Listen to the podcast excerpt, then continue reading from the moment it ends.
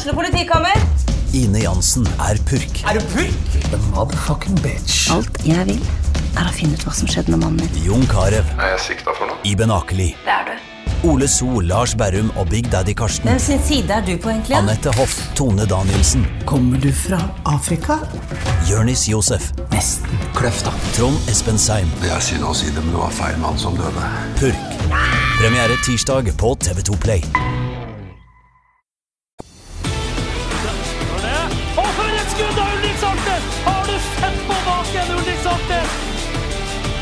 Så er det skåring, og så skårer Bodø-Glimt.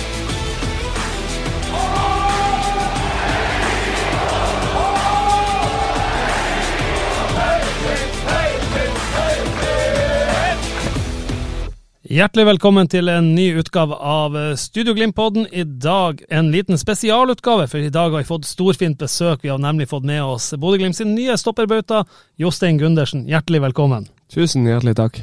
Og vi har også med som vanlig A-laget Trond Olsen. Velkommen. Takk for det. Og ikke minst Freddy Thoresen. Hei, hei. Og for et skudd av Ulrik Saltnes! Har du sett på baken, Ulrik Saltnes? Ja, og vi starter med Trond Olsen, som allerede sitter og klør etter å komme i gang med noen spørsmål til Jostein. Men det, det store spørsmålet her er jo, klarer Jostein en liten time uten krampe? ja, ja det, det spørs. Nei, eh, jeg tror det, og jeg håper det. det. Det skal jeg klare. Ja, for nå har du vært såpass lenge i Glimt at det, det, det går lengre og lengre før den kommer.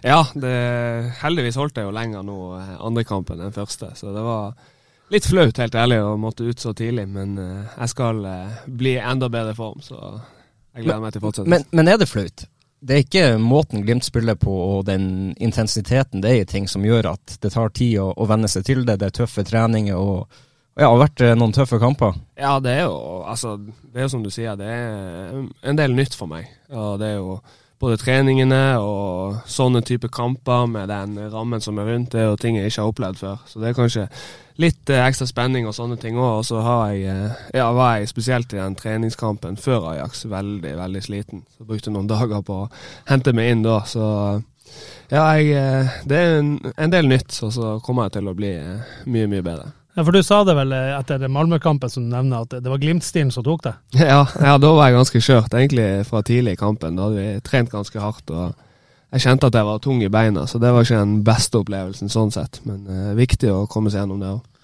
Det er godt. Eh, Du, eh, Jostein, nå har du vært i Bodø, eller du har knapt vært i Bodø, men eh, du har vært Glimt-spiller i, i snart to måneder. Hvordan har de første ukene vært? Det har vært eh, intenst. Det har vært eh, fullt kjør fra dag én. Og så har jeg egentlig bare hoppet inn i det med alt jeg har, og prøvd å ikke se meg tilbake. Så det har vært eh, utrolig gøy og eh, en rask læringskurve. Så det har vært eh, mye nytt og, og mye å ta inn over seg, men eh, jeg er utrolig happy med å være her. Hva er, hva er, den største forskjellen med å komme til Bodø-Glimt kontra andre klubber du har vært i?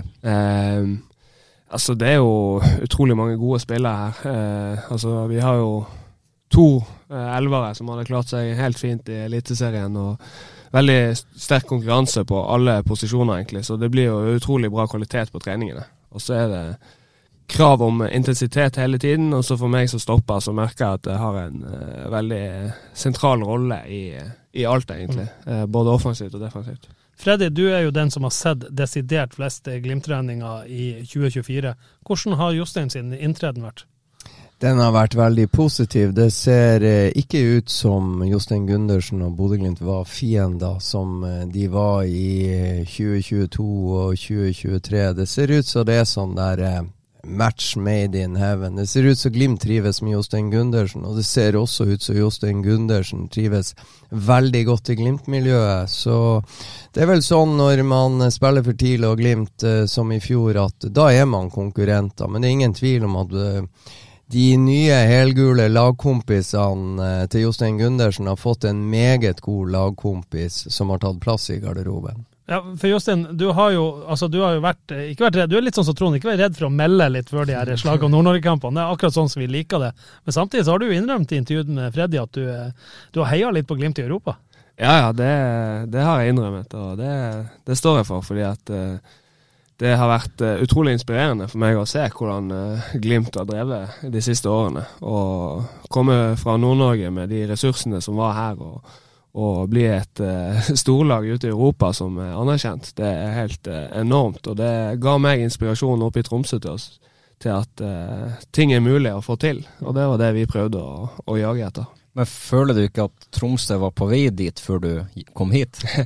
ja, faktisk. Jeg følte at vi hadde Altså, det er ikke sikkert vi hadde vært der vi var, hadde det ikke vært for Glimt, at de viste vei at det her er mulig. Så vi følte absolutt at vi var på en, en god bølge, og at vi hadde mye på gang. Så det gjorde også at det var vanskelig for meg å dra derifra.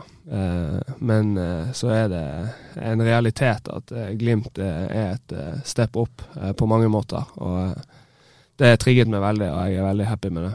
Og allerede etter noen få uker i, i Bodø, så har du fått Vi har lova at ikke sant, Freddy blir så jævels forbanna hvis jeg nevner Ajax, men eh, vi må nevne det litt. Allerede etter noen få uker i Bodø, så har du fått spilt to ganske kule fotballkamper. Ja, ja, helt klart. Det er også noe man har drømt om som uh, liten gutt, å få spille sånne typer kamper. Og det var en stor opplevelse, egentlig, begge kampene. Uh, fullsatt stadion begge plasser. og skulle gjerne hatt et annet resultat, men uh, vi hadde en uh, god prestasjon alt i alt i begge kampene. og så har vi utrolig mye gøy å se fremover eh, til eh, resten av året.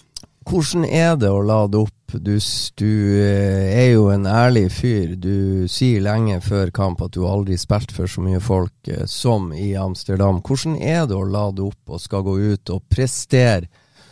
Sånn som dere gjorde, også sånn som du gjorde. For så lenge krampa ikke dukka opp, så mm. hadde du jo mura igjen sammen med dine kompiser bak der. Altså, det er jo litt sånn surrealistisk når du kommer der på eh, dagen før og skal trene på en sånn stadion som du har sett på. Altså, men så er det også en eh, type trygghet at eh, eh, nå er jeg her, og nå er det bare å, å kjøre på med mitt og ikke ha noe frykt, fordi at eh, det er en grunn til at vi er der. Og så er det ja, du har egentlig ikke noe å tape heller, så det er bare å, å gå ut med sitt. Og jeg følte en sånn ro i kroppen. Eh, jeg, var, jeg skal innrømme jeg var nervøs dagene før, men når vi kom til stadion og jeg liksom fikk roet meg, så var det egentlig bare at nå er det bare å, å gi alt. Og så, ja. Og så må jeg spørre, hva går gjennom hodet til, eller hva gikk gjennom hodet til Jostein Gundersen og Albert Grønbæk et stykke ut i andre omgang går og klinker inn 2-0 til Bodø-Glimt, og dere er i ferd med å ta fullstendig luven av de? Nei, Det er jo en utrolig god følelse, så klart. Det er helt enormt. Og jeg kjente jo tidlig at vi kan konkurrere med det her laget. Eh, og Det var også en spenning for meg. og hvor, hvor, ligger jeg an, og hvor ligger vi an? Men jeg kjente at vi er et godt fotballag. Så det var en eh, utrolig glede. Og så vet jeg at uh, ting snur fort, så det var fortsatt fokus på at det var lenge igjen. Hvordan er det sånn, som du sier, du er nervøs i dagene inn til kamp og sånn. Den roen som lagkameratene som har vært gjennom det her, eh, i hvert fall utad viser, Eh, du har en makker i Brede Mo som eh, ser ekstremt rolig ut til enhver tid. Hva det gjør, hjelper det noe liksom, for egen del at, at, de rundt deg er såpass rolig? Ja, helt klart. Jeg merker jo at det er en, en rolig og fokusert gjeng eh, på Aspmyra. Og de har eh, fått mye erfaring de siste årene, og det, jeg merker at måten de eh, forbereder seg inn mot kamp, så er det null, eh, null, frykt. Og det er eh, fokus på vår egen spillestil og vår egen prestasjon, egentlig, uansett hvem vi møter. Og det blir man egentlig bare dratt inn i, og så er det bare tut og kjør derifra. Sett i ettertid, hvor jævelsk irriterende er det at dere ikke var med i potten når trekninga var på fredag? Jeg skal eh, innrømme at det var utrolig tungt. Det var, det var kjedelig. Jeg så jo også trekningen til Ajax. Det var Aston Villa og fjerdeplass eller noe sånt i, i, Premier League eh, for tiden, så det hadde man eh, helt klart ønsket å, å opplevd. Men eh, sånn. Du skulle bare gått opp og skåra sjøl? For det, ja. det, det, var jo, det var jo nok sjanser, det må vi være enige om. Ja. Nei, vi hadde alle muligheter til å gå videre, så vi, vi kunne absolutt kommet oss videre fra de her kampene. Det er, det er ingen hemmelighet. Og så tror jeg vi skal lære masse inn mot uh, starten av Eliteserien og også det som kommer i sommer. Kan jeg få stille et spørsmål, Stian? Altså, Trond, det her er både til Trond og til Stian og til deg. Har dere sett noen av sjansene til Bodø-Glimt her på Aspmyra sånn i reprise i etterkant av kampen? Har dere gjort det? Ja, ja dessverre. Har du gjort det, Jostein? Ja, jeg ser alltid kampene jeg spiller igjen, så jeg har sett, sett hele kampen. og ja. Gjorde du det samme kvelden? Nei, ikke samme kveld. Det, det klarte jeg ikke. jeg kan bare avsløre at jeg har ikke sett det i reprise, og jeg kommer ikke til å se det i reprise. I hvert fall ikke i 2024. Nei, men det er klart at det, det, det, er, det er, noen ekstremt store sjanser der som, som, blir brent. og Når man ikke tar vare på dem ute i Europa, så, så blir man fort straffa i andre enden med, med, å gjøre den lille feilen. og Den kommer jo dessverre to ganger i denne kampen. Det kommer, to små feil der. Den ene med Håkon, og den andre som eh, Kjetil eh, ikke klarer å få handa opp nok på. Og da, da, da smeller det litt i, i, i bakevja, holdt jeg på å si. Så det, det er jo litt sånn irriterende at de skal komme, men, men, samtidig så kan man avgjøre det her både borte og hjemme. For det, det er så store sjanser i, i de to kampene at uh, man burde avgjort. Ja, er de, jeg spør dere, er de så store som jeg innbiller meg de sjansene Bodø-Glimt har, Jostein? Eh, ja, noen av de er utrolig store. Det, det er ingen hemmelighet, det. Er, er, er det, ja, de er det. Men er det, er det, så enkelt som å si at hadde man hatt en, en ren spiss, så hadde man skåra? Sånn, sånn, som du ser, føler du at Glimt hadde et spissproblem i de to kampene? Nei, det vil jeg absolutt ikke si. Jeg føler at uh, Håkon har fylt den rollen på sin egen måte. Litt annerledes enn en vanlig uh, spisstype. Men uh, jeg syns vi har kommet til mye sjanser, og mange av de spillerne ville skåret på de de aller fleste tilfellene. Så det er litt sånn tilfeldigheter også. Og så har vi bl.a. fått et mye bedre presspill enn det Glimt hadde i fjor, kanskje. Så det er jo noe vi trener mye på og har mye fokus på. Akkurat det kan jo du si litt om, for du spilte jo flere eller to kamper mot Glimt i fjor. Eh, hvordan var det å møte Bodø-Glimt i presspill? For dere spilte det jo totalt ut på Aspmyra. med Lå bare og venta med ballen i bakre firer, og så er det én som bryter ut, og da spiller dere rett igjennom. Eh, ja, vi, vi, var veldig sånn eh, selvsikre på at her er det eh, muligheter. Det skal jeg innrømme. Eh, for vi, vi hadde bl.a. en keeper som var veldig god med ballen, og det var mange som kom dypt i banen og, og var gode på ballen. Så vi følte aldri at eh, Glimt klarte å presse oss ordentlig høyt. Eh, så kom de veldig smart med kantene, og da fikk vi ofte også eh, rom på utsiden. Mm. Så vi hadde mange strenger å spille på. Også den der Hvis de kom veldig høyt, så kunne vi dunke han inn bak bekkene til Glimt. Og det hadde vi eh, stor suksess med til tider. Det må man kunne si. Det er en ting eh, som vi lurer på den dialekta di, Jostein, mm. den, den, er satt sammen av ganske mange elementer. Ja, den, den, til, å være, til å være Tromsø-dialekt, Jostein, så er den utrolig behagelig, jeg må si ja, det. det er jeg enig med. ja, nei, det er ikke, den er særegen, for å si det sånn. Det er vel ingen andre utenom storebroren min kanskje som har jeg ganske lik. Jeg eh, flyttet jo eh, til Tromsø som syvåring, og ja, fra Bergen. Så har jeg en far fra Tromsø og en uh, mor fra Østlandet, Elverum. Så litt språkforvirret, er jeg, og det skarre-r-en kommer alltid til å være der.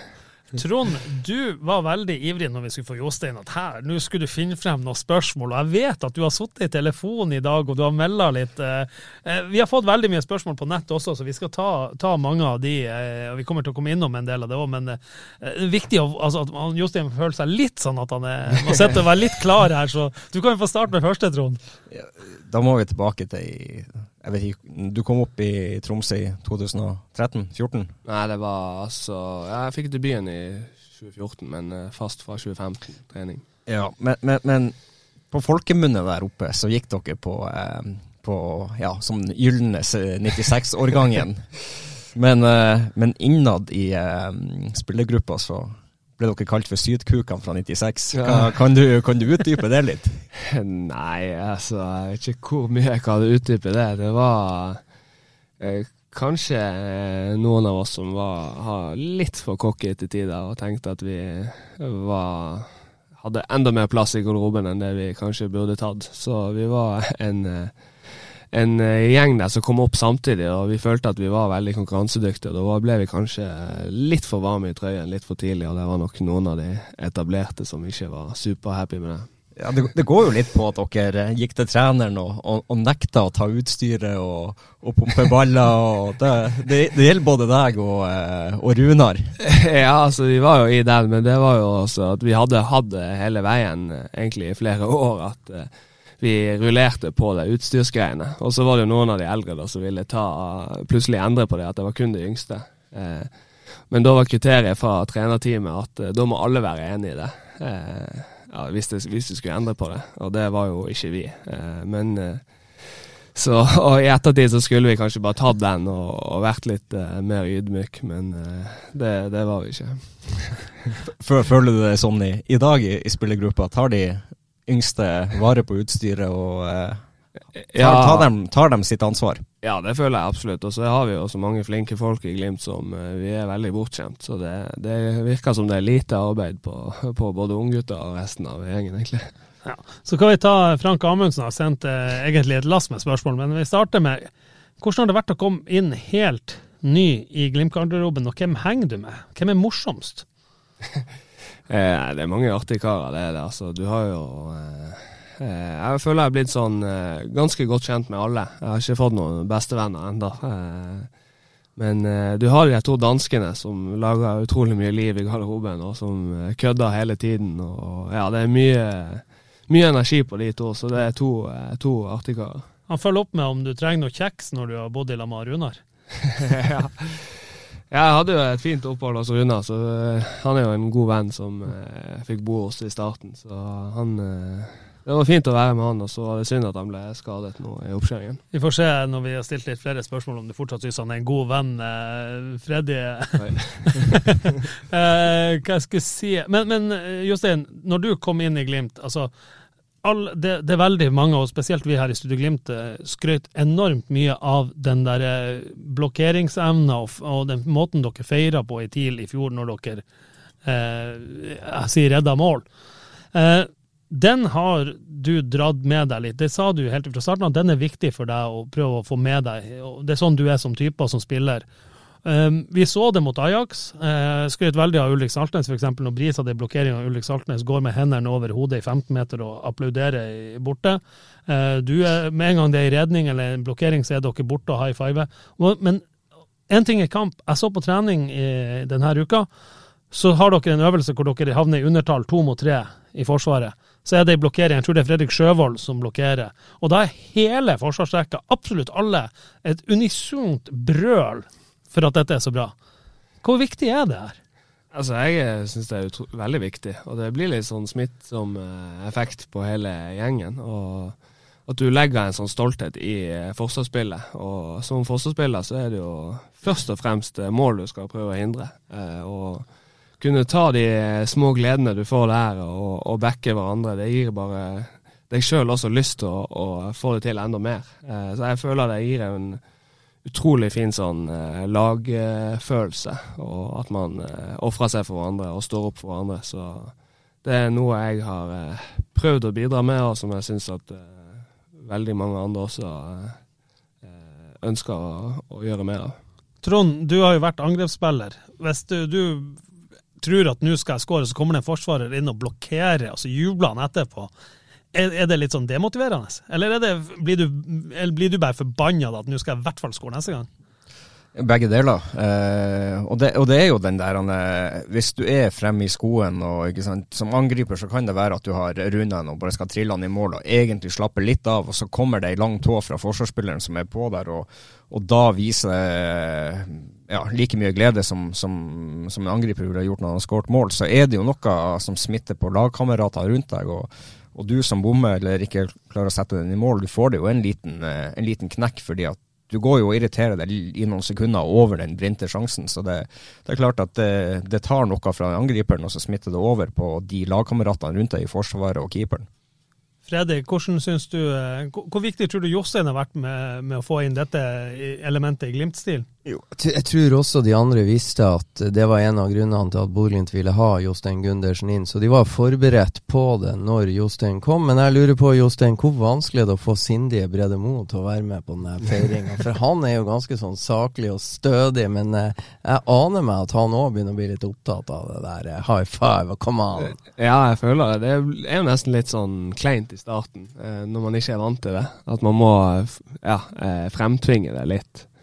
Og så føler jeg og tror at eh, folk syns det er veldig gøy når man kommer inn i det. Og Brede, Brede Mo, han eh, hadde senest i går en sånn dobbeltblokk som var helt uh, utrolig, og da, eh, da var vi mange og ga han uh, creds for det. Ja, for vi ser han har det i seg, vet du. Både det å blokkere og det å feire litt etterpå. Ja, ja, helt klart. Jeg opplever at han har litt temperament inni seg. Så, Det har han. så uh, når han får det ut og får de blokkene, så er det bare å juble i vei, og så skal vi backe han videre. Og det her er jo en ting vi i Studio Glimt har satt og diskutert og prata om i, i våre podkaster, at vi, vi, ønsker jo at Glimt skal ha en mann som går foran og viser litt glede og jubel og, og smitte litt over på de, de, andre rundt seg når du gjør en god involvering defensivt og, og, og, og redder et mål. Og det er akkurat det. og vi, Jostein, bare sånn til informasjon, så er det ingen av oss i Studio Glimt som syns det er noe artig å sette og se på TIL. Og i hvert fall ikke i 2023. Men noen av oss gjorde det, og eh, vi skal ikke si vi ble så veldig imponert, men vi la merke til at det ser jo ut som det er ufattelig artig å spille i det midtforsvaret der, om det er borte på Intility eller i Stavanger eller i Molde eller hvor i helsike det er. Og motstanderen spiller og spiller og skårer ikke mål. Det ser jo ut som dere har det ufattelig artig underveis når dere blokkerer og blokkerer, og så står dere bare og gliser når Lasse Nordås og andre putter ballen i mål der oppe. Så det er jo en sånn helhetslig eh, lagfølelse som jeg tror er uhyre viktig. Ja, absolutt. Det gir en, eh, en lagmoral og en sånn, et sånt samholdsfølelse som uh, jeg tror er veldig viktig, også videre i det offensive spillet. Og så er det jo perioder i kamper der ting ikke går helt som man ønsker, og da er det også lett å, at alle dupper med hodet når du f.eks. får klarert ut i corner, for alle føler at eh, nå får vi ikke til det vi ønsker. Men i de periodene også klare å anerkjenne en god jobb hos en forsvarsspiller, eller en midtbanespiller eller en spiss, det, det, er veldig viktig, og det tror jeg vi også vil få igjen for i det offensive. Godt. Da er det skåring, og så skårer Bodø-Glimt! Ja, det, vi skal fortsette med litt spørsmål fra, fra fansen. Noen som spør hva er forskjellen på frispillinga i Glimt kontra TIL? Kan Glimt lære noe av måten, og det ser man jo allerede, måten man bruker keeper på i frispillinga, at Glimt prøver på i år. Kan man lære noe der, eller, og, og hva er den største forskjellen? Eh, for meg som stoppa, så er det en god del eh, annerledes ting. Det er det. Altså, jeg følte at vi droppet med enda flere i, eh, i Tromsø. Altså, vi kom med flere folk eh, lavt i banen i det oppbyggende spillet. Eh, og Da var det litt mer sånn posisjonsspill eh, for meg som stoppa, at jeg skulle finne de riktige eh, posisjonene på banen. Mens eh, så opplever jeg her at det stilles enda høyere krav til meg som midtstopper om å, å skape det overtallet sjøl og ta med seg ballen bakfra. Og, ja, så det, jeg føler at det er veldig stort ansvar på oss stoppere. Eh, og så brukte vi kanskje, som sagt, enda mer keeper enn aktivt i Tromsø. Naturlig nok, når dere har en keeper som er antageligvis verdens tredje beste i akkurat den delen av spillet. Mm. Det var jo at vi hadde den eh, dimensjonen med å kunne gå eh, over og, og, inn bak direkte fra keeper hvis eh, folk presset oss høyt. Som å legge han på brøstet til en TIL-spiller bak Glimt-backene. Ja. Altså, TIL-spillerne trengte jo ikke å være gode å dempe, for uh, Haugård la den jo på kassa til de, ja, i medløp. Og det var noe de trente på også, uh, wingbackene og keeperen, på å finne den rette timingen. Uh, så det var noe vi, vi, ble veldig gode på. Og så føler jeg også at at vi ønsker mer av det i Glimt også nå enn, en det det var i fjor, kanskje. Så jeg syns jo Kjetil eh, har vært veldig god med beina og tatt eh, et stort ansvar der. Så vi der, eh, der, kan vi videreutvikle oss, og så er det viktig som stopper i Glimt også å tørre å, å ta med seg ballen fremover. Ja, og, og så sant, det blir ikke en ren kopi av, av, det TIL gjorde, som du sier. Det er jo en av grunnene til at du antageligvis får litt krampe. For det er litt lettere å stå i posisjonen din og finne disse firkantene eller trekantene som dere setter opp, og kanskje klinke Haugård langt. Her stilles det mer krav til løping med å ta ballen med deg forbi ledd, skape overtall, og så dytt. Ja, det er helt klart. Altså, jeg merker også at jeg har eh, mye flere pasninger i løpet av en kamp i Glimt enn det jeg hadde i TIL. Jeg, jeg er mer på ball uh, her. fordi at uh, Sånn som mot Ajax-kampen, så tar de ut uh, Patrick. og da blir det egentlig veldig mye på at meg, jeg og Brede må, må ta med oss ballen og, prøve å skape et overtall. så det, ja. Vi så jo det mot Poznan i fjor, i første, første kvalik, eller samme kvalikrunde som nå. Da var jo Brede og Marius Lode var jo de to spillerne i den runden med desidert flest pasninger. Altså det var jo over 20 pasninger mer enn nummer tre på lista. Eh, men vi så jo, vi fikk jo tall her etter kampen, og Brede sprang jo 16,5 km med ekstraomgangene. Merker du også Sprenger du mer i Glimt enn du gjorde eh, tidligere, og kanskje med mer, mer sprint? Eh, ja, altså jeg hadde vel 14, og jeg rundet 14 km på det, den tiden jeg spilte. Så det har jeg aldri, jeg har aldri hatt så mye før. Eh, men eh, det skal sies at det var mye løping og pressing i, i Tromsø også, det var det. Eh, det var mye opp i midtbaneleddet og presse derifra. Men eh, enda mer her, og du må dekke store rom, og vi dominerer kampene enda mer i, i Glimt. Og da er det også store rom å dekke bak seg, og da blir det, blir det mange meter. Jeg kom, ja, Du sa støt opp. Jeg kom bare på en liten ting. Altså Nede i Spania, når dere møter Hammarby, hvor deilig var det allerede før det var spilt ti minutter at du fikk trødd ned August Mikkelsen? Ja, det var helt eh, nydelig. Sant? Han, han sendte meg bilde av det noen dager etterpå, faktisk. Det var en uh, klokkerein takling, og, Sant. og han fikk litt uh, vondt etterpå også, så det var, det var helt perfekt. Ah, godt. Men, men føler du at det er mer høyintensitetsløp i, i Glimt enn det i Tromsø? Ehm, kanskje, ja. Det, det vil jeg si, fordi at eh, vi, som jeg sa, at det er større rom å dekke eh, i Troms, nei, i eh, Glimt. Og jeg merker i det, kontradekningen så er det mye ansvar på oss. Og da hvis eh, f.eks. en Brobby stikker en bak, eh, så er det Da må du sprinte, for å si det sånn. Så jeg merker at det, det er litt forskjell. Eh, men akkurat på høyintensitet tror jeg det ikke er sånn enormt stor forskjell, men det er mer på de meterne man legger La du merke til at Bråby klarte faktisk ikke å sprenge ifra deg? Eh, Ja, det handler om å være, være tidlig ute og, og prøve å lese situasjonene tidlig når du spiller mot gode spillere. Og det, alt i alt så klarte vi det ganske godt. Brede hadde jo som det, det som Ørjan Nygaard omtaler som ganske hva han kalte hurtig eh, akselerasjon. Da hadde jo Mm. Brede Mo 116 og var flest i den kampen. Det var alt fra null til, til opp, i, opp i sprint. Så det viser jo litt som det du sier, at det, man må være klar når det først skjer noe. Ja, helt klart. Det er ikke sånn som gammeldagse midtstoppere som bare står der. Det er store krav både offensivt og defensivt, men jeg syns jo at det er fantastisk artig eh, for meg og utrolig utviklende. Eh, som hver dag får lov å ja, prøve å prege laget i så stor grad. Du, vi har hørt at du er veldig glad i hummus. Stemmer det? Eh, Hvem sier det? Nei, Er det Hugo, eller? Eller er det Runa? Ja, for det? Nei, eh, ja, Runa har jo fått med seg at jeg er glad i hummus, men det er litt overdrevet. Og så møtte vi faktisk eh, Glimt her i fjor. Og så står vi i spillertunnelen. Så kommer eh, Hugo Vetlesen bort til meg, og så sniffer han bare på meg og sier Du stinker hummus.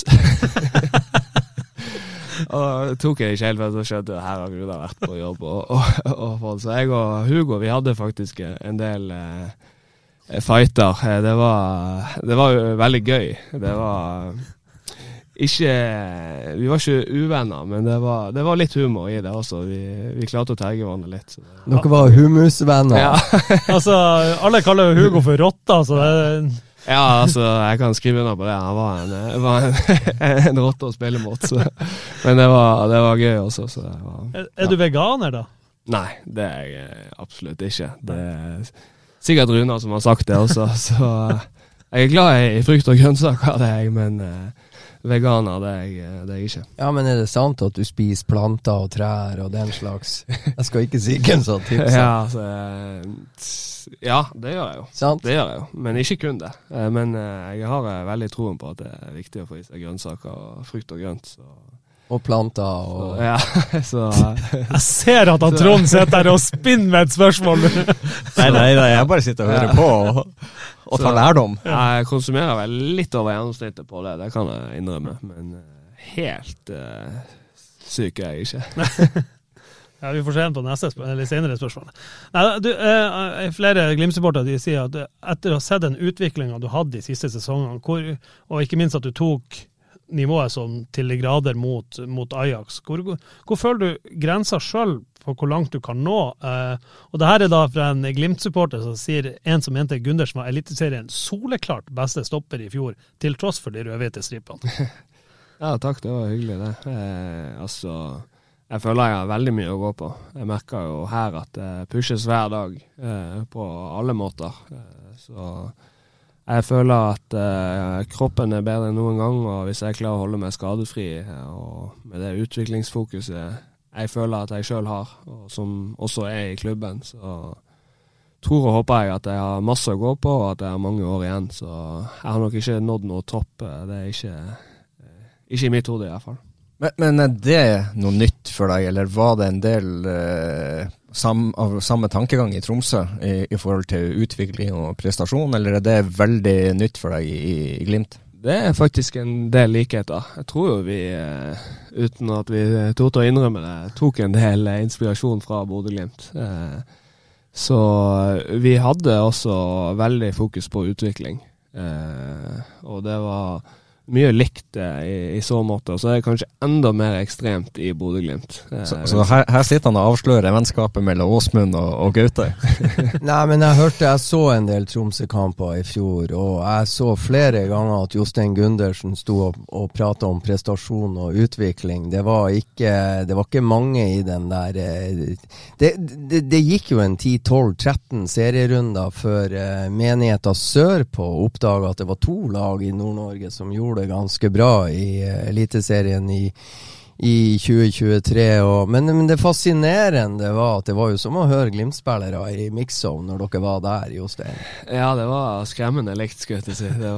Vi snakket aldri f.eks. om tabellplassering eller hvor vi kunne ende. og Det var veldig mange som prøvde å ta oss på det, siden vi var nye i, i, det gamet og, og spurte om vi kunne vinne serien eller om vi kunne ta medalje eller noe sånt, men det var så å, si, eh, så å si ingen av oss utenom Jakob Romsås som gikk på en liten smell en gang. Så vi var veldig lik Glimt der og tenkte utvikling og prestasjon. Vi så forskjellen der. Det var vel ett lag som begynte å snakke om medalje og gull. Det var Viking. Mm. Det var de som endte uten.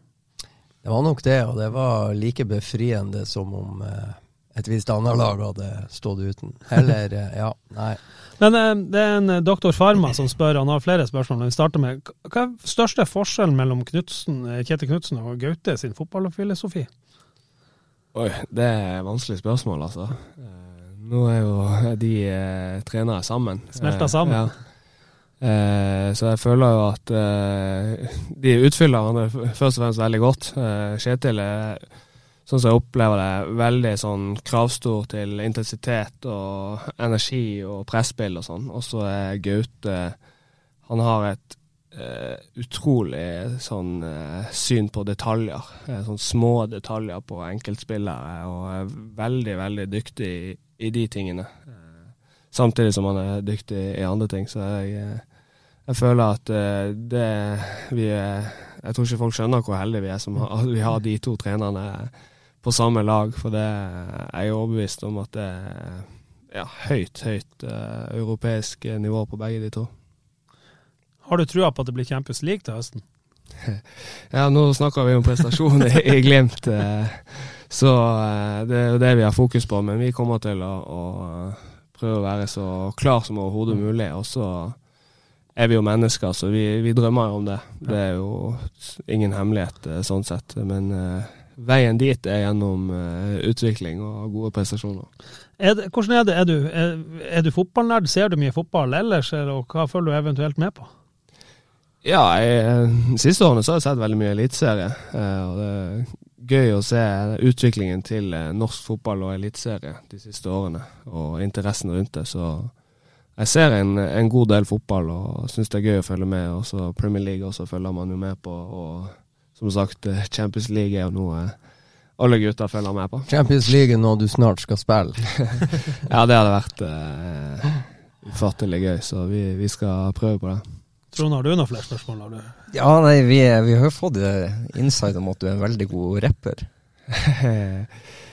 ja, eh, veldig god. Det er kanskje å dra litt eh, i, men vi hadde jo en sånn uh, i TIL, faktisk. Når, vi, når ungguttene kom opp, så måtte de fremføre en sang. Uh, og da fikk vi jo tildelt en sang, og du måtte synge hele sangen foran hele laget. Og jeg uh, fikk rett opp og ned av Lars Vaular. og jeg lærte meg hele teksten og, og nailet det, så jeg tror det var mange som ble imponert. Og Jeg har litt bergensrapp i meg. Spetakkel, Cam Rocker. Ja, den, den, kan jeg også litt av, så spetakkel er et, eh, et bra eh, Ikke band, men en gruppe fra, fra Bergen som har eh, noen kule sanger.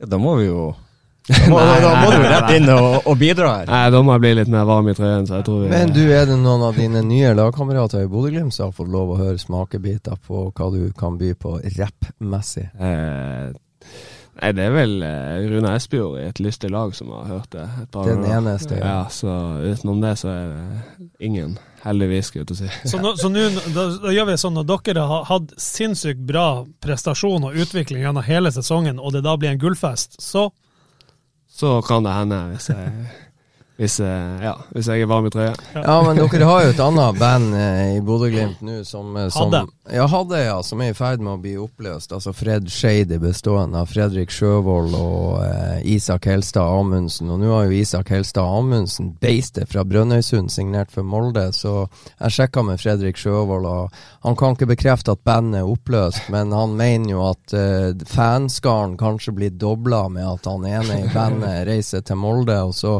var vi enige om at det er jo ingen tvil om hvilket band som skal skrive cupfinalelåten 2024. Det er Fred Shady. Men, eh, men det da er felles cupfinalelåt. Ja, det blir jo det. Det blir jo det. Men uh, du kan jo kanskje ta plassen og snakke deg inn på uh, Så eh, kan du jo endre stil, stilart på Eller sjangermessig på Fred Shady. Du tar plassen til beistet. Vi kutta ut eh, Isak, og så hopper jeg inn istedenfor. ja. ja. Jeg hørte faktisk en sang jeg lagde, og vokalen til Isak Jeg føler han har litt å gå på. Sant? Så, så. Ikke i nærheten. Nei, det er ikke i Var det nærheten. Molde-nivå på det. Ja, det var Ja. Molde-nivå. Ja. Det, hva visste du og Gaute om Glimt som Kjetil Knutsen, Knutsen ikke visste når du kom? Hva, hva du tenker på? Nei, det er en som spør om det. Om det, om det er noe du og Gaute visste om det Glimt-laget her som, eh, som, eh, som ikke Kjetil visste sjøl, at måten å ta de på, kanskje? Eller? Eh, er sånn i, å spille mot Glimt, Ja, jeg vil så, tro det er det Øystein Sørvig spør om. her. så var det jo Ja, som jeg nevnte i sted, den eh, måten vi løste det på med TIL, eh, som vi følte at eh, vi traff godt på. Selv om eh, det skal sies at vi vant jo ikke hver kamp mot Glimt. Vi, vi tapte også en god del, eh, kanskje de fleste, så det er et godt lag. Men jeg tror de hadde god kontroll i Glimt, og de, de visste nok hva de burde gjort bedre i de enkeltkampene. Mm. Så skal jeg lete frem noen noe flere spørsmål her som vi har fått. um. Du gikk jo på NTG i Tromsø. Hva, det, hva hadde du med deg til eh, hver eneste skoledag i, i tre år der? Ja, ryktene skal jo ha det til at det var eh, kokt egg og buljong. Ja, det det, det, det, som står her at svaret skal være. Stemmer det ikke? ja, jeg tror eh, Altså, det, det, det skjedde. Det gjorde det. Eh, dessverre litt for ofte. Så det var noen som syntes det var utrolig gøy. og det ble jo litt eh, lukt i klasserommet, men jeg var, jeg var skamløs.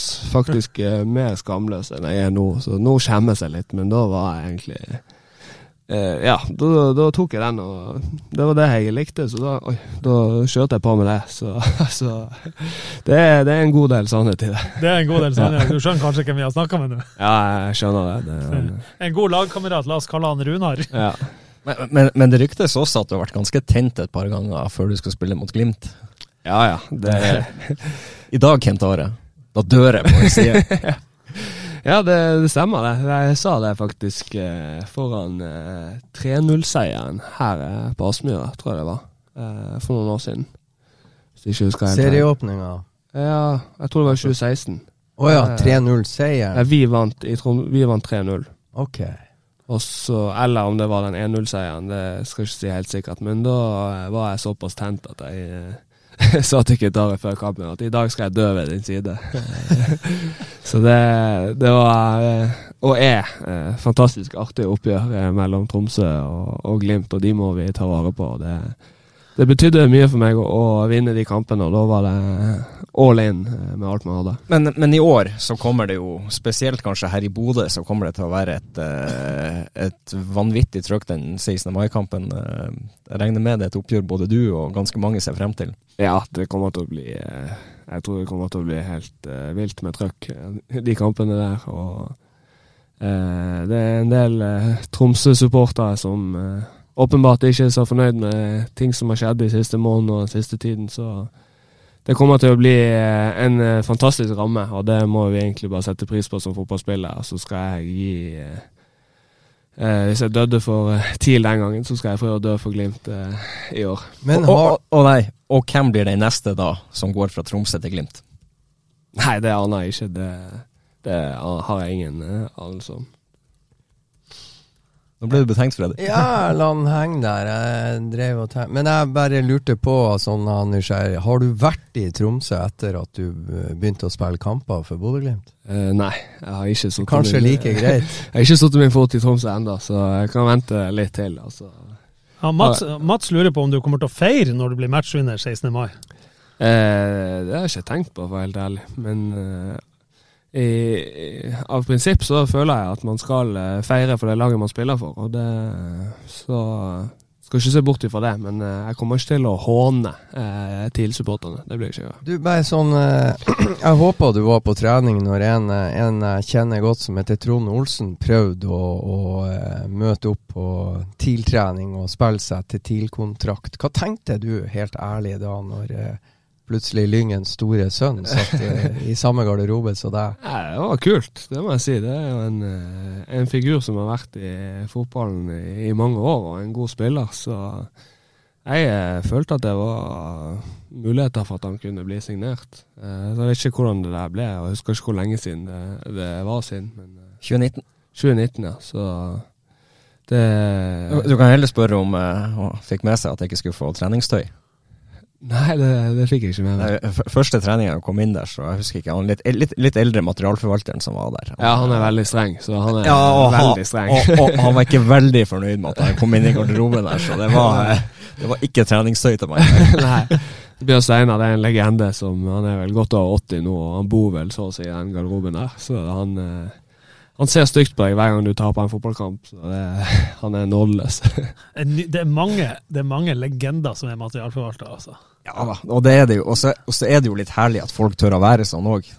Tenk deg når Jostein eh, kommer opp til, til Tromsø neste gang, og, og han eh, skal hilse på han. Det, det kan komme til å se tvers igjennom Ja, det var faktisk det når jeg var hentet tøyet mitt etter jeg hadde signert for Glimt. Så var, så var det en kald skulder fra han, og han så, så ikke på meg. Så, så sånn er det.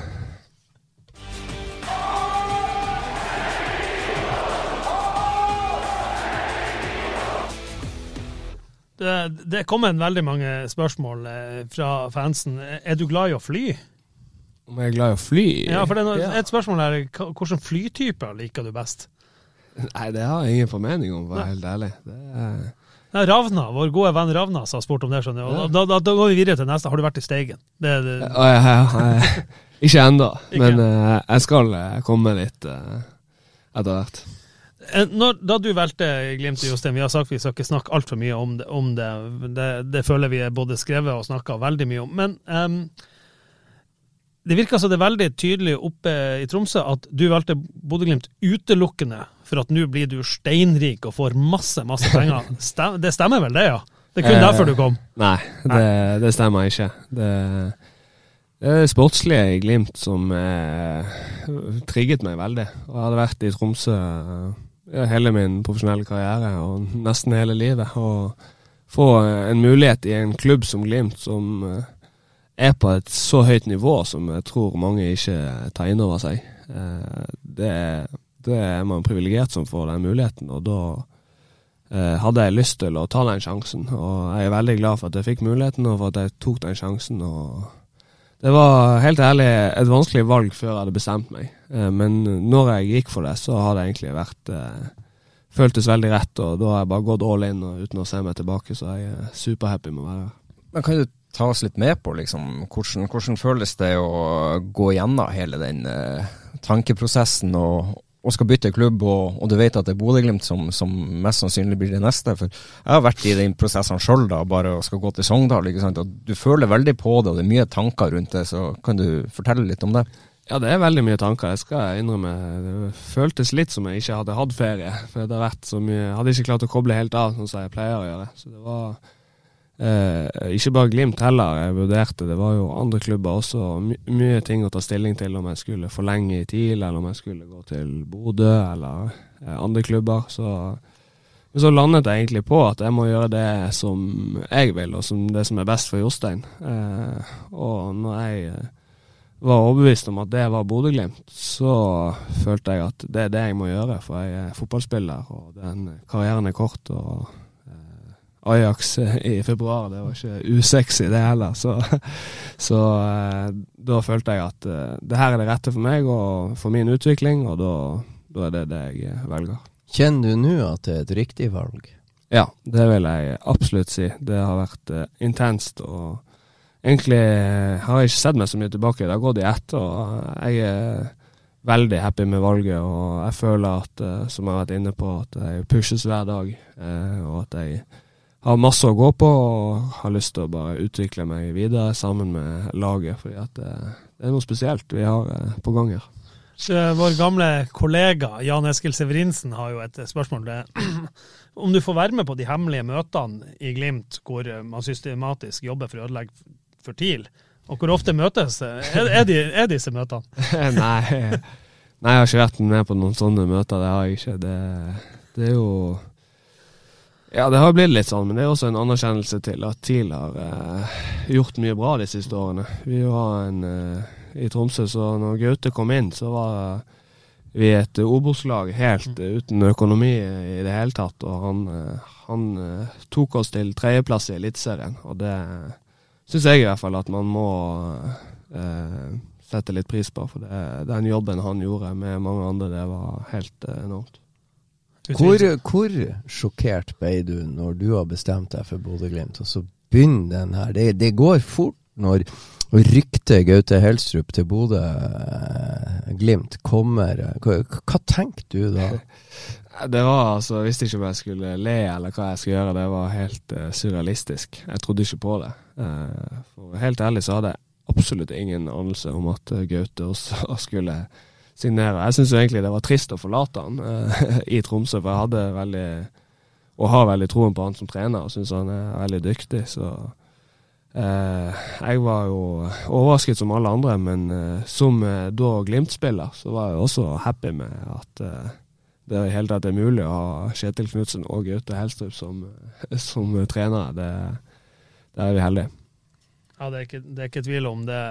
Det er mange spørsmål. Det var ikke ett der, så jeg lurer på om det er noe feil. Men det spilte kramper ta deg, det ble i hvert fall synlig i siste kampene du har spilt for Glimt. Kjempeinnsats, sier Liss, Lang, Liss Langås. Eh, så lurer jeg på om du restituerer annerledes etter overgangen.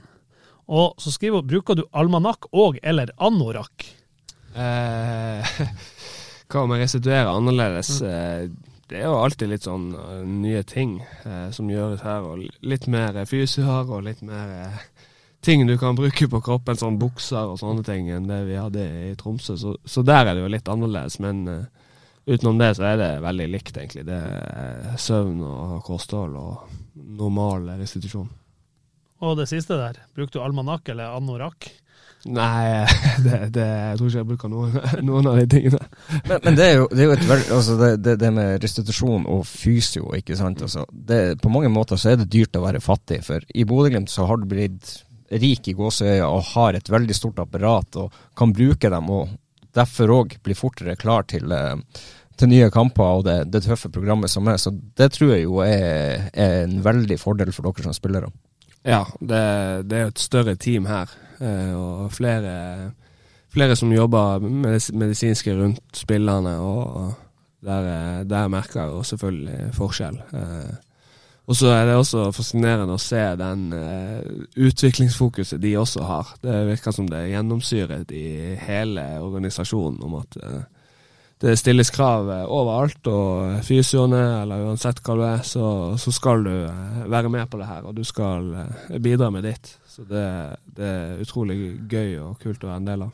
Ja, Freddy, vi, vi som har hold, vært med holdt på å si, hele reisa med det der prestasjonsfokuset vi, Når Erik Botheim kom til Bodø-Glimt, så var det vel ett intervju, og så var det hvor han sa var Erik Botheim og bare svarte i øst og vest, og så neste intervju så var det prestasjon og utvikling. og Da fikk vi vel melding, eller vi møtte vel en, en Eh, vi møtte Rosenborg på, på, Gardermoen, tror jeg det var, og han ene kom bort og så sier han du, hva i all verden, hvor hjernevaska er Erik Botheim blitt nå? For uh, altså, det ble ett intervju, og så begynte han å snakke om prestasjon og utvikling. Så det, det er noe som blir prenta inn, jeg tror jeg, i det øyeblikket du går inn døra omtrent på Aspmyra. Ja, helt klart. Det er noe som ikke gjelder bare laget heller. Det gjelder, som jeg sa, hele, hele gjengen. Og det er, no, det er, en måte å tenke på som er veldig Kanskje litt særegent. Og det har jo åpenbart gitt eh, resultater også, for det er jo Altså, vi ønsker jo gode resultater. Det er jo ikke sånn at vi ønsker bare å spille bra fotball. Vi blir jo skuffet når vi ryker ut mot Ajax. Eh, eh, selv om det er en god prestasjon på mange måter. Men eh, eh Glimt eh, har vist at det er kanskje veien å gå for gode resultater. Og det er ingen tvil om at det har funket ganske bra, og vi skal fortsette med det. Er jo veldig bra det, at du har et veldig, veldig sterkt fokus på prestasjon og utvikling, men du må ikke glemme den kynismen på toppen i de viktige, avgjørende kampene. Av og til så må du kanskje fravike det de siste ti minuttene for å, for å spille på resultat og, og, få det resultatet du ønsker for å enten vinne en cupfinale eller gå videre. Ja, helt klart. Og så kan man jo det er litt hvor man velger å se på det. Altså, man kan jo si at det er en prestasjon også å ri i land eh, en seier, eh, selv om ikke alt flyter. Så en, eh, kan det være en god prestasjon eh, å, å, få den seieren på en dag som ikke, der ikke alt stemmer. Og i sluttminuttene at du må kanskje ligge lavt og forsvare deg godt. Det er også en viktig del av å prestere. Ja, det er det, det, er det ingen tvil om, Jostein. Du, du er jo en fotballspiller som tydeligvis tar vare på folk rundt deg. For i Tromsø så brukte du også tid på å være besøksvenn, stemmer det? Ja, støttekontakt, ja. ja. Så jeg hadde en gutt jeg var med i seks år, sikkert. Eh, som var helt eh, fantastisk. Og som jeg var med i utgangspunktet en gang i uken, men det ble jo ikke så ofte. Så vi han eh, lyste opp eh, både hverdagen min og mange andre. Så vi var på mange kjøreturer og gjorde mye sprell. Og var på Tromsøbadet og ja, var og spilte fotball og, og, alt mulig. Jeg var på Putti Pluttipott hver eneste jul. Så det, jeg håper at jeg får med meg Putti Pluttipott eh, i desember også, for det blir en tradisjon mellom oss. Og det er en, eh, en gutt som eh, jeg er blitt veldig glad i, og som jeg kommer til å ha kontakt med. Hva han sa når du skulle til Bodø-Glimt? ja, nei. Han, jo, han, han, var jo lei seg, selvfølgelig, at vi ikke kunne være med sammen. Så det var egentlig det han brydde seg mest om, og lurte på det der med flytting og, og sånn. Så det var så egentlig det. Og så er han eh, litt sånn Plutselig så kunne han begynne å heie på motstanderlaget når jeg var i Tromsø også, så, så, vi får se hvem han heier på nå. men, men, men hva, hva, ga det deg? Det ga meg masse. Jeg tror helt ærlig at det ga meg mer enn han. For han var veldig sånn utadvendt. Eh, og er en utrolig utadvendt eh, gutt som eh, ga meg en god følelse i meg sjøl og, og, mye glede. Og, og så se at å være med han og se at uh, uansett hvor vi var, så smiler folk uh, av han. Fordi at han har, har, har, en sånn sjarm som er helt unik. Kan, kan, men sånn, fotballspillere, dere lever jo i ei boble stort sett en hel sesong. ikke sant? Altså, det er trening, det er kamp, og det er hvile og restitusjon. kan sånne her ting være med på å holdt på å si, ufarliggjøre litt i hverdagen, og så få fokus på noe annet og, og ja, rett og slett bygge seg, bygge bygge seg sjøl opp på en måte? Ja, det tror jeg. Det er viktig å ha litt ting utenfor. At man ikke blir Det er lett å bli altså At du definerer hele lykken din og hele deg sjøl med hvordan du presterer på banen. Og den uh, fellen har jo gått i sjøl også. Og, og det, det, er ikke lett å være superhappy hvis du har spilt en dårlig kamp, men det å ha andre ting utenfor og, og, se at det finnes eh, andre ting. Og han, eh, han eh, brydde seg så, sånn sett ikke om vi vant eller tapte. Han var nå like glad for å møte meg uansett, og det var utrolig artig. Så var jeg, jeg var hjemme hos han dagen før jeg dro hit og så fikk sagt ha det, så det var fint. Fin, fin, historie, Trond. Ja, veldig fin. Og så sitter jeg også og får litt sånn der det, det, det, det, hjelper deg å finne roen på en annen måte, og ikke gå litt vekk fra fotballgarderoben og, og, og, tenke på litt andre ting og få tankene bort fra. Det kan, det kan være etter en kamp der du har uh, vært uheldig eller gjort en god kamp, så må du uansett nullstille litt og, og ha fokus på, på, noe helt annet. Så det kan være uh, veldig givende. Det ryktes også at du er ganske glad i mor di? Jeg har vært med Runa igjen. Ja, nei, mamma er fin, hun. Hun uh, tar vare på meg og hun er veldig omsorgsfull. Så sender meg mye meldinger, og når jeg var uh, i Tromsø, så kunne det hende at han ga meg litt massasje og et lite fotbad. Så, så. Ja, for Jeg, skulle, jeg fikk beskjed om å spørre hva går kosetimen ut på? ja. Nei, det er nok, jeg tipper det er fotbadet og, de tenker på da. Altså At jeg kom dit og fikk litt fotterapi av mamma. og en kopp te og litt uh, snacks. Så det var, det var fint. Så hun var, hun var faktisk på Ajax-kampen også, så det ble ikke noe fotball denne gangen. Men vi får ta det igjen. Det er derfor krampa kom. Ja. Ja, da er jo jeg nysgjerrig på hva mora uh, de fiksa for deg, Trond. I glansdagen dine på banen. Ja, nå skal ikke vi henge ut mutter'n. Trond, har du, har du fått flere spørsmål, du? Jeg tror, jeg tror, jeg har vært igjennom nok der. Det, det, det får være nok eh, spørsmål til, til Jostein i dag. Vi må spare det til neste gang når han kommer tilbake. Så skal, vi, ha bygd, skal vi ha bygd opp en, eh, en ny en. Eh. Ja, men, men Jostein, nå er det nå er Europa starter igjen i juli, for, kanskje forhåpentligvis i august, at man er litt heldig med å komme inn i en playoff. Er det, så det er noen uker til seriestart. Hvordan er det å nullstille fra den der kampfokuset som man hadde, at man vet at det er tellende kamper allerede i februar, til nå skjer det ikke en tellende kamp før 1. april. Hva blir viktig for dere for å klare å sørge for å være klar 1. Det er jo å riste av oss den skuffelsen og så eh, tenke at nå har vi eh, fem uker på å utvikle laget, som vi ikke kommer til å få før slutten av desember på en sånn måte at nå har vi eh, ekstra god mulighet til å, å, pleie kroppene og bygge oss opp fysisk og psykisk og utvikle eh, deler av spillet som vi ikke kan i samme grad når det kommer tett med kamper. Så vi må bare bruke det steingodt og innse at eh, selv om vi rykker ut mot Ajax, så har vi mye kult i vente. Og det kommer fort, så vi må være klar når det, når det smeller. Så jeg ser jeg, det er ett spørsmål jeg hadde glemt av, um, så jeg ikke, så jeg ikke så her. Det var Magnus Kristiansen som sendte inn um, fineste by av Bodø og Tromsø? eh, to, to, to, fine byer, holdt jeg på å si. Politikersvar. Eh, nei, altså, jeg tror at um, Bodø kommer til å bli enda finere når eh, det blir sommer og, og, sånn. Så nå har ikke jeg vært her så mye, og det har vært eh, en del vind og, og grått. Så Førsteinntrykket eh, var ikke sånn supert, og så tror jeg at det blir å ta seg godt opp. Det blir, det blir ikke bedre. vi, vi, vi, kan slå fast at sommeren bruker å komme tidligere her. Men eh, han fulgte opp med Syns du det er litt spesielt at du og Runar skal spille sammen i Glimt nå, da, etter at dere har vært, eh, spilt sammen så lenge i TILE, også i, i yngres avdeling? Gitt at Runar endelig, eller forhåpentligvis blir frisk, og tror du Runar greier å slå tilbake etter den siste skaden her nå? Ja, altså Det er jo først og fremst kult at vi får spille eh, sammen for Norges beste lag eh, over flere år. Eh, så det, det er kult. Og så ja, jeg både tror og håper at Runar har bestemt seg litt også nå. At nå brenner jeg litt på dass for hans egen del. og han har ut året av kontrakt, og det tror jeg også kan være en bra ting for Rune. At nå, nå, når han bestemmer seg, så er han en enormt god fotballspiller. Så jeg tror han kommer til å se det allerede, at uh, det er litt mer fokus i han, og, og, han ønsker virkelig å, å, slå tilbake nå. Så jeg tror og håper at vi får mye glede av han i år. Høres veldig bra ut. Freddy, er det noe mer vi burde ha spurt, Jostein? Vi har holdt på nesten, nesten en time.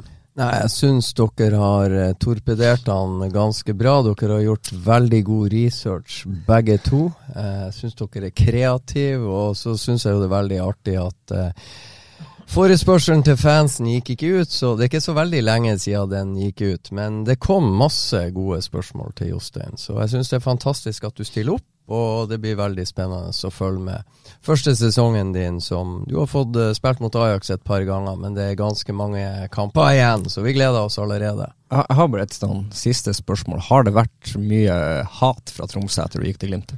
Eh, det korte svaret er ja. Altså det Føler du at det er stygt, eller er det humor i det, eller er det Altså, Jeg vil understreke at de aller, aller aller fleste holder seg godt innenfor det som er innafor. Så det er jo noen som tar det litt for langt, men det er de aller, aller eh, færreste. Så det er mange som er, var sur og skuffet, og som sa tydelig fra hva de synes. Eh, både på meldinger og på Instagram og Facebook og sånne ting. Men så var det også veldig mange som var veldig hyggelige, og det var sikkert jeg vil si ca. 50-50 med, med, kjærlighet og hat. Så det var en, en, god blanding, og det er egentlig sånn det skal være. Og jeg visste at det kom til å bli reaksjoner, så ikke noe mer enn jeg føler jeg tåler. Det høres veldig bra ut. Jeg må bare si tusen hjertelig takk for at du stilte opp, Jostein Gundersen. Det har vært en ære å ha deg i studio. Tusen takk også til Freddy Thoresen, og tusen hjertelig takk til Trond Olsen og Studio Glimt-podden. Den er tilbake før du aner det.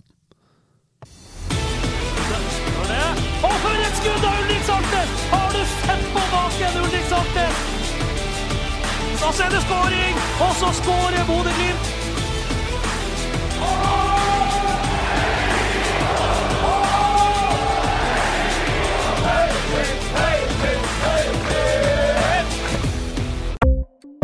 Ukens annonsør er HelloFresh.